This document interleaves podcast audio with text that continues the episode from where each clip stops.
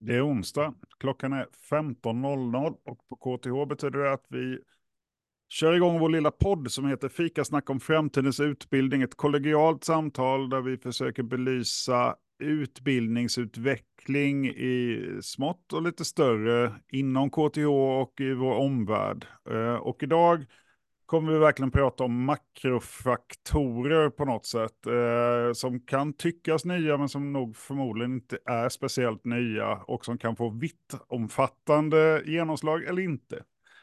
Eh, jag heter Johan Flidfrede, jag sitter på KTHs IT-avdelning, jobbar med verksamhetsanalys. Eh, med mig har jag eh, programledaren för eh, Framtidens utbildning, Jocke Liljesköld. Hej, Hej, kul att vara här igen. Ja, det är ofta du och jag. Eh, vi försöker rotera ja. lite, men, men eh, schema är en komplicerad sak när det gäller personer på lärosäten. Så att, eh, ja, det är vi. Vi har också med oss en gäst, Arnold Pierce. Varmt välkommen till podden. Ja, tack så mycket. Ja, precis. Eh, kul, kul att ha dig här. Eh, det här vi ska prata om idag är någonting du har pratat om mycket på, i olika sammanhang. Eh, särskilt gissar jag den senaste tiden. Men vi kan väl börja, liksom, first things first. Vem är Arnold Pierce? Eh, vad har du gjort? Vad gör du? Hur länge har du varit på KTH? Ja, hur många timmar vill du prata? Nej, ja, men jag kan fatta det extremt kort.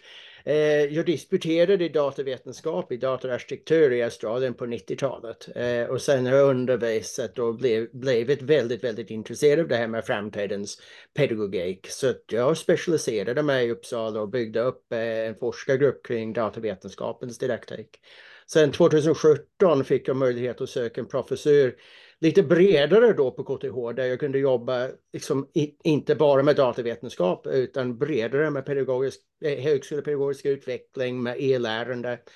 Träffade Jocke här eh, så vi har haft väldigt många spännande samtal, inte alltid så här i virtuella eh, förhållanden men ganska många över kaffekoppar och, och liknande. Mm. Och, vi tror mm. just det här samtalet över en kaffekopp, även om den då i det här fallet är virtuellt och att jag faktiskt har druckit upp mitt kaffe redan. Men, men i alla fall, att vi ses så här och pratar utan manus och utan egentligen några större förberedelser, det, det tycker vi är ett format som, som är, är, är gynnsamt då. Och det vi tänkte prata om idag då, det är egentligen AI, machine learning, LLMs, eh, chattbottar. Eh, alltså det är ju en massa ord som är nya för många som har börjat florera eh, när det gäller utbildningssammanhang. Men kan du ge lite bakgrund där Arnold? För det här är ju ett område som du har egentligen eh, varit nära under väldigt många år. Alltså det är ju faktiskt, det slog mig förra året, det är första gången eh, mina kunskaper gör mig till, till någonting attraktivt utanför akademin. Så det är första gången jag varit liksom eftertraktad i en massa olika sammanhang. Så att jag har varit och lett eh, lärardagar kring AI-undervisning i Umeå. Jag har haft två föredrag för Karolinska och pratat om eh, både AI i undervisning, hot och möjlighet, men, men även hur använder man AI i forskning och forskarutbildning. Eh, hur ska man förhålla sig? Jag sitter också i IEEE, eh, the International Association for Electrical and Electronics Engineers.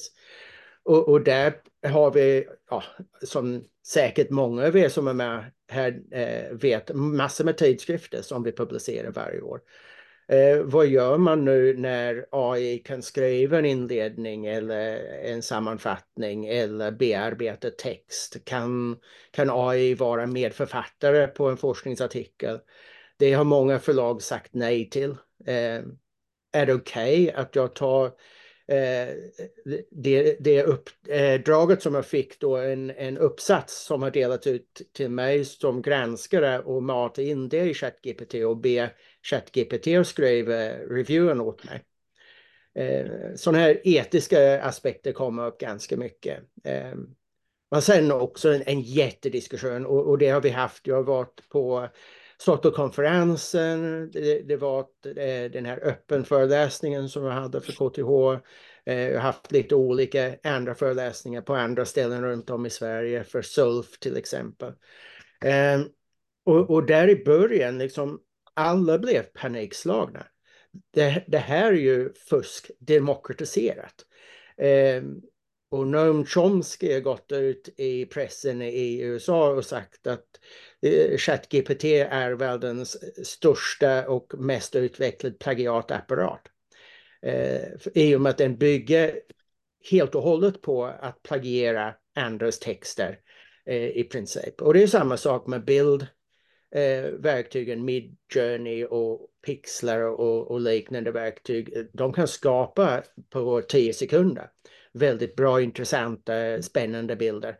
Men de gör det genom att bearbeta ett bildmaterial som de har i bakgrunden. Eh, så att om man ska svara på ursprungsfrågan, vad är då det här för någonting? Jo, det är ju stora statistiska modeller som vi tillämpat för att klassificera data. Och då kan man mata in data på ett visst sätt, klassificera det och så kan man ställa fråga och då analyserar man och bryter ner frågan och så sätter man ihop ett svar utifrån de sannolikheter som finns i de här enorma nätverk. Och, och vi vet ju nu hur jättestora de är. Mm. Så det här hade vi inte kunnat göra eh, på 80-talet, 90-talet när jag var doktorand. Eh, datavetenskap på den tiden, det handlade om stora maskiner i, i liksom, egna hus med luftkonditionering. Eh, och en sån maskin har man i fickan nu varje dag och använder som telefon. Ja. Så mm, just kapaciteten och beräkningskraften har gjort det här möjligt. Men hur nytt är det? Eh, alltså det, det, låter som ChatGPT och de här eh, LLM, alltså Large Language Models, att det är liksom någonting som dök upp på allas radar eh, förra året och egentligen 2023 var det som, som de lanserades öppet liksom som, som publika tjänster. Men, men hur länge, för du har ju studerat det här området längre än så. Ja, jo, jag har varit med från och till sedan 80-talet.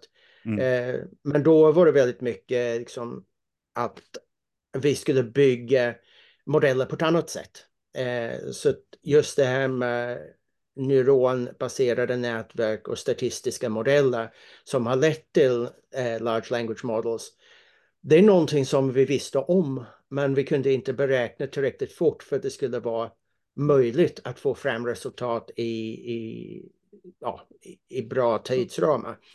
Eh, så att nu, ja, förra året, förra, förra året så börjar man lansera de här verktygen och så vi som är intresserade av området börjar genast plocka upp dem och experimentera. Vad kan man göra? Mm.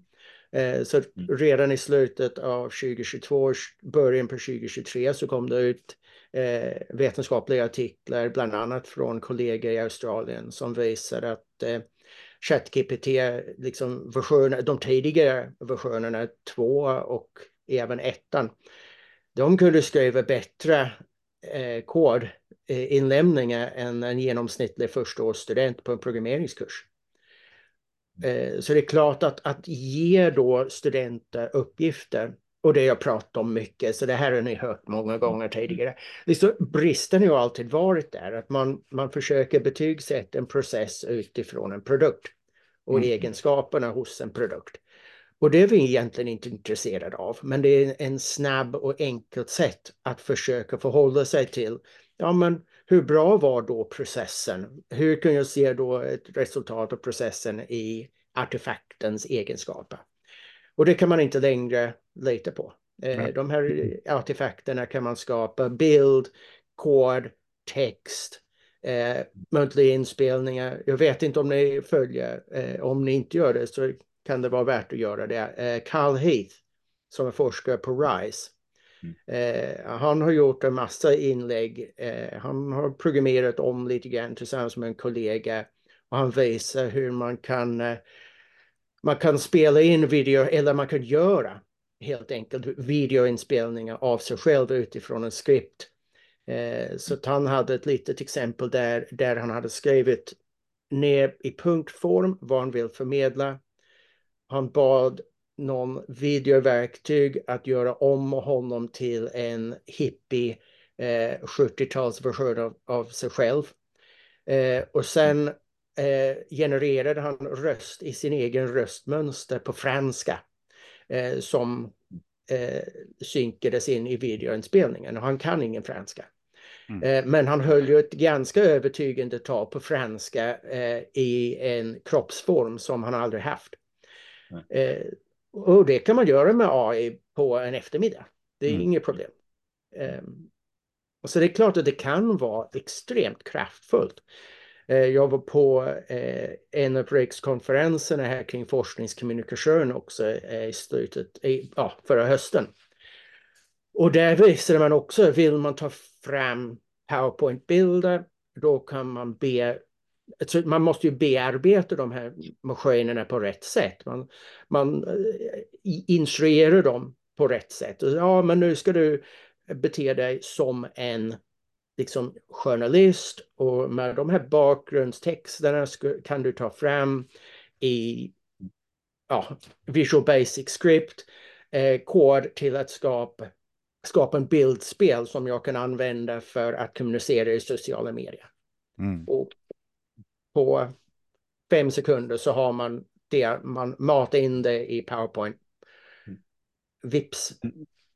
Men det, och det du, det du beskriver just nu, det är ju någonting, egentligen någonting helt annat än den domedagsprofetia som en del kommer och säger att det här är. Men, det är klart att det betyder väldigt stora förändringar, men, men pedagogiskt så be, betyder det också enorma möjligheter. Så, ja, vi måste ju avväga varje gång vi använder en sån verktyg. Eh, det finns ju även i, i Word nu, om man kör den eh, molnversionen, så har vi automat eh, transkribering. Så du matar in en ljudfil, du får ut en transkriberad text. Och det är rätt bra transkribering nu för tiden. Mm. Så att, eh, jag gör en hel del intervjustudier eh, runt om i världen, intervjuar akademiker, hur, vad har de för inställning till olika saker. Ja, och då behöver jag inte lyssna och, och knacka liksom ut det där för hand längre. Men frågan är om det är bra eller inte. Mm. Eh, när jag lyssnar på en inspelning och ska transkribera, ganska ofta så transkriberar man inte allting utan man väljer ut, det är de här citaten som kommer att liksom vara viktiga i min analys. Så då transkriberar man bara dem. Eller så använder man ett verktyg som Envivo eller någonting annat som väldigt snart kommer ha AI inbyggt. Och, och då kan man markera bara upp sina ljudfiler eller videofiler. Och så kommer den att göra den transkriberingen man behöver för att sen publicera det här. Mm. Och här kommer ju massor med de här etiska aspekterna med AI. Nu tar vi vägen där, men ja, om man när man just till en Vivo eller liknande kopplar på AI-tjänsten och laddar upp sitt forskningsmaterial, för då laddar man ju ofta upp det i molnet. Då måste man faktiskt fundera på som forskare, ah, är det här någonting jag får göra med mitt material? Vad har jag kommit överens om de jag intervjuar att ladda upp det här och vad händer då? Så det, det, det ställs en himla massa etiska frågor i användandet av verktyg som vi också måste utveckla våra verktyg och hantera. Men det har vi lite grann hanterat tidigare med öppen datakällor och så vidare. Det var en jättediskussion i Uppsala för fem år sedan när man bestämde sig för att ja, det var jätteviktigt för Uppsala universitet att de skulle satsa på öppen forskningsdata. Och då plötsligt skulle alla forskare göra sina datainsamlingar offentliga i en plattform som universitetet hade bestämt. Ja, men vad ska jag göra då med alla mina intervjuer med skolelever som är 11 år gamla, eh, som föräldrar har skrivit under. Men, men ljudfiler anses också eh, eh, tjänstepersonuppgift. För att man kan koppla röstmönster till en, en individ. Mm. Så då får jag inte spela in liksom, röst mm. eller video precis hur som helst och ladda upp det precis var som helst. Nej. Mm. Jag tänker om vi backar tillbaka lite kring varför det här, min tanke eller min, min fundering kring varför man kan uppleva det här som jobbigt. Och vi har upplevt jobbiga saker förr i universitet. Elärande kom, ja jobbigt. Eh, Moka kom, jobbigt. Eller inte jobbigt. Jag, i min, i min roll så försöker jag skilja på vad vi gör med hur vi gör det. Eh, mm. Och ofta när vi inte har gjort den distinktionen mellan vad vi gör och hur vi gör, då blir det väldigt jobbigt när det dyker upp nya alternativ till huret. Eh, men om man backar tillbaka och, och, och liksom, eh, att, att vi bedriver utbildning, eh, om det är det vi gör och vi är trygga i det, sen, då mm. ökar vi bara en palett med möjligheter. Alltifrån, en gång i tiden var det bara en aula som var vårt verktyg. Nu är det grupprum, det är gradängsalar, det är Zoom, det är walking, walking seminars, eller det, det är allt mm. möjligt. Men hade jag hade, jag, hade min yrkesroll byggt på att jag står i en sal och föreläser, om det är det jag tror jag gör, då blir det väldigt jobbigt när det dyker upp ett alternativ till det. Och det är lite grann så, om mitt jobb när jag examinerar studenter är att titta på en artefakt, men det, det är ju egentligen inte, det är ju hur vi gör det. Vad vi gör mm. är ju att vi förhoppningsvis är intresserade av att stimulera eh, eh, ett lärande som vi sen kan eh, kvittera på något sätt. Eh, och, och då, då blir ju den här diskussionen annorlunda. Då är det liksom inte en fråga huruvida vi ska ha AI eller inte, utan frågan är snarast då hur vi som lärosäte stödjer fakultet, studenter och kanske samhället i stort i att förhålla sig till ytterligare ett verktyg på, i paletten. Eh, hur, hur, hur förs diskussionen idag när du träffar personer på KTH? Eh, är det är det ett stimulerande samtal kring hur vi ska förhålla oss till detta? Eller är det ett ja eller nej, vi borde förbjuda det, eller det här sabbar hela min pedagogiska idé som då kanske inte är så pedagogisk? Um... Ja, jag tror att alla, alla gör ett bra jobb.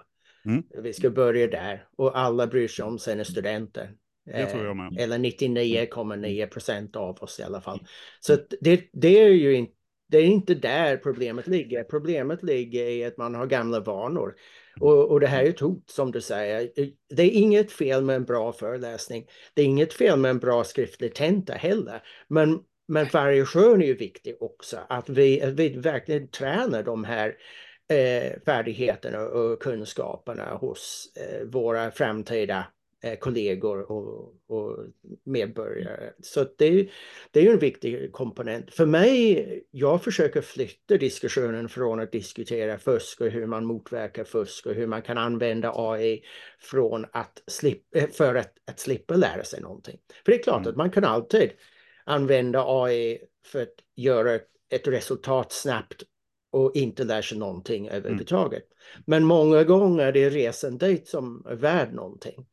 Eh, och hur kommunicerar man det till en student? Eh, hur, hur får man upp det engagemanget? Och jag tror vi gör det genom att göra våra mer autentiska eh, utbildningar. Att, att våra utbildningar verkligen tar in AI nu. Om det är AI som ska vara en del av framtiden. Och så kan vi säga, ah, okej, okay, hur kommer AI att påverka betongkonstruktion? Hur kommer AI att påverka kodning i datavetenskap. Mm. Så då måste vi rusta er studenter mot den framtiden och det kommer du att få på KTH. Eh, mm. Våra utbildningar är i framkant. Vi har tänkt igenom det här. Vi har framtidens pedagogik, vi har framtidens innehåll. Gör man all, hela upplevelsen relevant, då finns ingen mm. anledning att fuska. Så jag, jag tror att mycket handlar om att vi ska få bort det här vi och de diskussionerna och fokusera på ja, men vad ska vi som community göra tillsammans för att det här ska vara roligt. Mm. Jag såg att det var några kommentarer i chatten där. Kanske. Ja, Mm -hmm. Det kom in en kommentar. Eh, med tanke på AI och automatisering kan replikera många arbetsuppgifter. Hur kan organisationer som KTH proaktivt hantera de utmaningar som detta kan medföra för de anställdas känsla av mening och engagemang i sitt arbete? Mm. Det är en bra fråga. Ja, mycket bra fråga. Mm. Alltså många av oss kommer att effektivisera hur vi jobbar, men kanske inte mista jobbet kan mm. man säga. Eh, inom den akademiska sidan kanske, kan man säga. Jag tror aldrig att man kommer att byta ut läraren mot AI. Eh, hallucineringar, andra egenskaper i de här modellerna gör att man, man kommer fortfarande behöva ha de här eh, Eh, experter, mentorer i systemet. Eh, bollplank, folk som designar de här upplevelserna som ska leda till att man utvecklas mot sin profession. Men jag pratade för studentsektionen eller Young Professionals eh, eh, eh sektionen i Andhra Pradesh i Indien eh, i helgen. Eh, och där var det liknande fråga. De berättade för mig att eh, 8000 programmerare i deras region i Indien har eh, blivit arbetslösa i de senaste tre veckorna. För att eh, mjukvaruföretagen där kan generera samma kod mycket snabbare med mycket färre anställda. Mm. Och, och, deras fråga var väldigt liknande. Hur, hur hanterar vi det här? Hur, hur, vad ska vi göra när vi inte har något jobb längre? Um, och det har jag inget svar på just nu tyvärr, men, men man kan ta kanske inspiration från historien. Mm. Det var samma dialog i slutet av 1800-talet när man liksom introducerade eh, olika industrialiseringar i, i industrierna i Storbritannien och runt om i Europa. Eh, och man slog sönder de här vävmaskinerna och, och klagade över att man hade liksom tagit bort alla jobb. Samma sak under pandemin. Alla restauranger, allting, alltså underhållningsindustrin på många sätt stängdes. Folk sökte sig till andra jobb.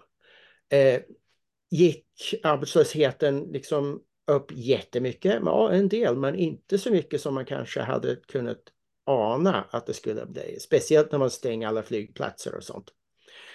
Så jag tror att folk, vi kommer att hitta nya sysslor helt enkelt. Mm. Eh, det kommer att bli nya saker som blir möjliga här som vi inte har tänkt på än. Eh, nya jobb kommer att dyka upp.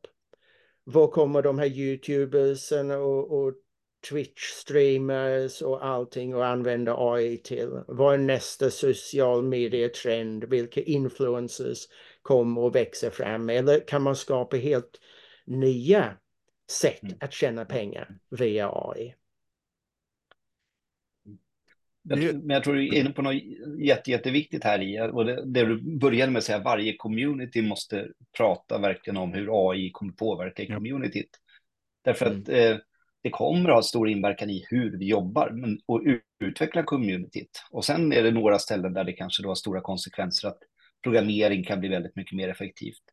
Men, men UKÄ som gjort ett arbete som kommer med rapport snart, jag menar lite som jag, jag tolkar i den slutsatsen är att man, in, man ser inte att det är en ny profession i sig väldigt mycket, men att det är väldigt mycket tillämpning mm. utav AI i många professioner och att det är det det handlar om. Och det måste vi ju ta in mm. i våra utbildningar. Absolut, och vissa utbildningar kommer att påverkas tidigare och snabbare än andra. Data till ja. exempel kommer att påverkas ja. ganska mycket. Eh, kanske mm. också vetenskapligt skrivande eller kanske även ja. skönlitteratur. Mm. Men, mm. men, och, och, film. Men, men och vi film. vet inte mm. riktigt. Eh, samtidigt som, alltså igen om man, om man reflekterar, hur var det då, vad var kvaliteten i slutet av 1800-talet? Kvaliteten mm. då var liksom maskintillverkning. Mm. Mm. Om vi pratar kvalitet och liksom höga prislappar nu. Det är inte mm. maskintillverkning som, som är intressant, det är hantverk. Att man mm. får någonting som är unikt. Som har mm. kanske egenskaper som inte är perfekta. För det är egentligen det man värdesätter mer. Eh, och det kan vara att ja, vi, vi producerar det stora liksom, chocket av materialet via AI. Men det kommer alltid att vara någon sorts nischmarknad mm. för handcraft. Mm. Det tror jag absolut. Jag, jag ställde naturligtvis en fråga till ChatGPT här då inför det här samtalet då. Och det var så här, vilket är den vanligaste frågan kring AI i universitetsundervisning?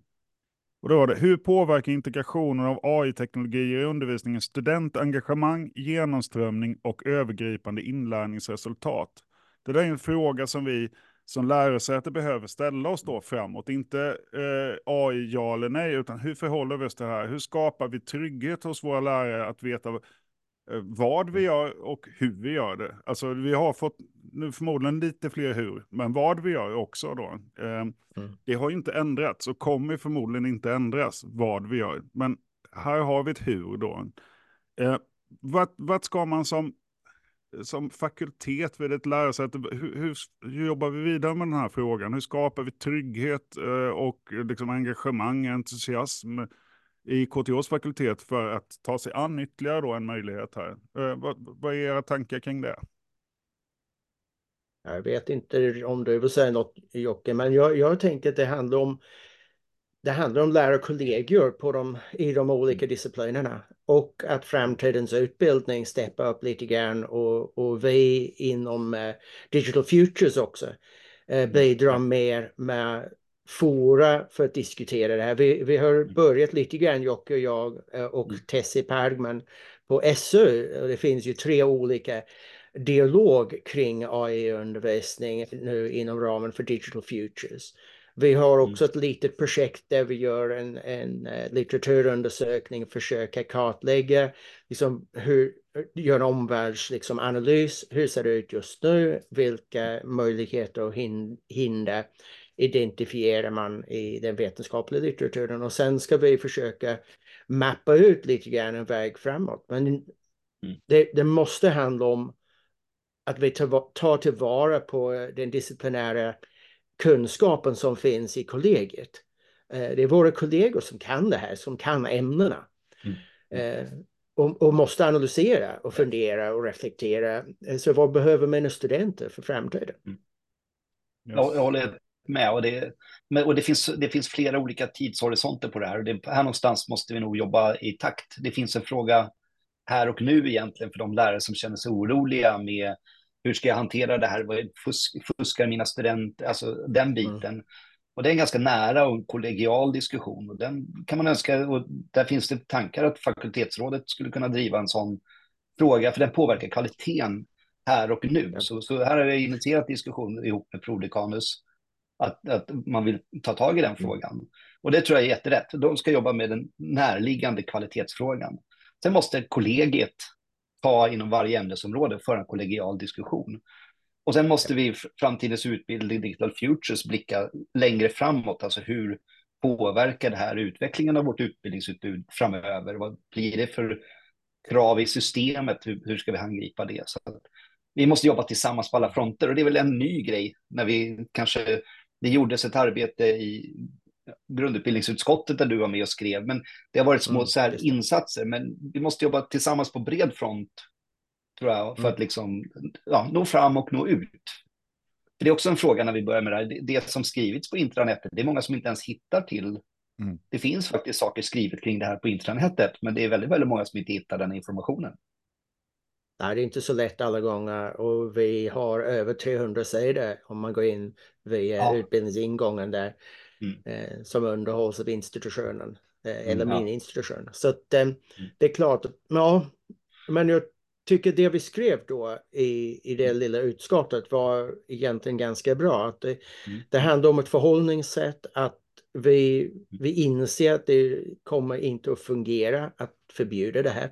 Mm. Eh, då leder det mera till döld fusk och vilseledande beteende. Det är mycket bättre att vara öppen och ha en dialog med med mm. studenterna och, och, och komma överens om, ja men vi gör så här.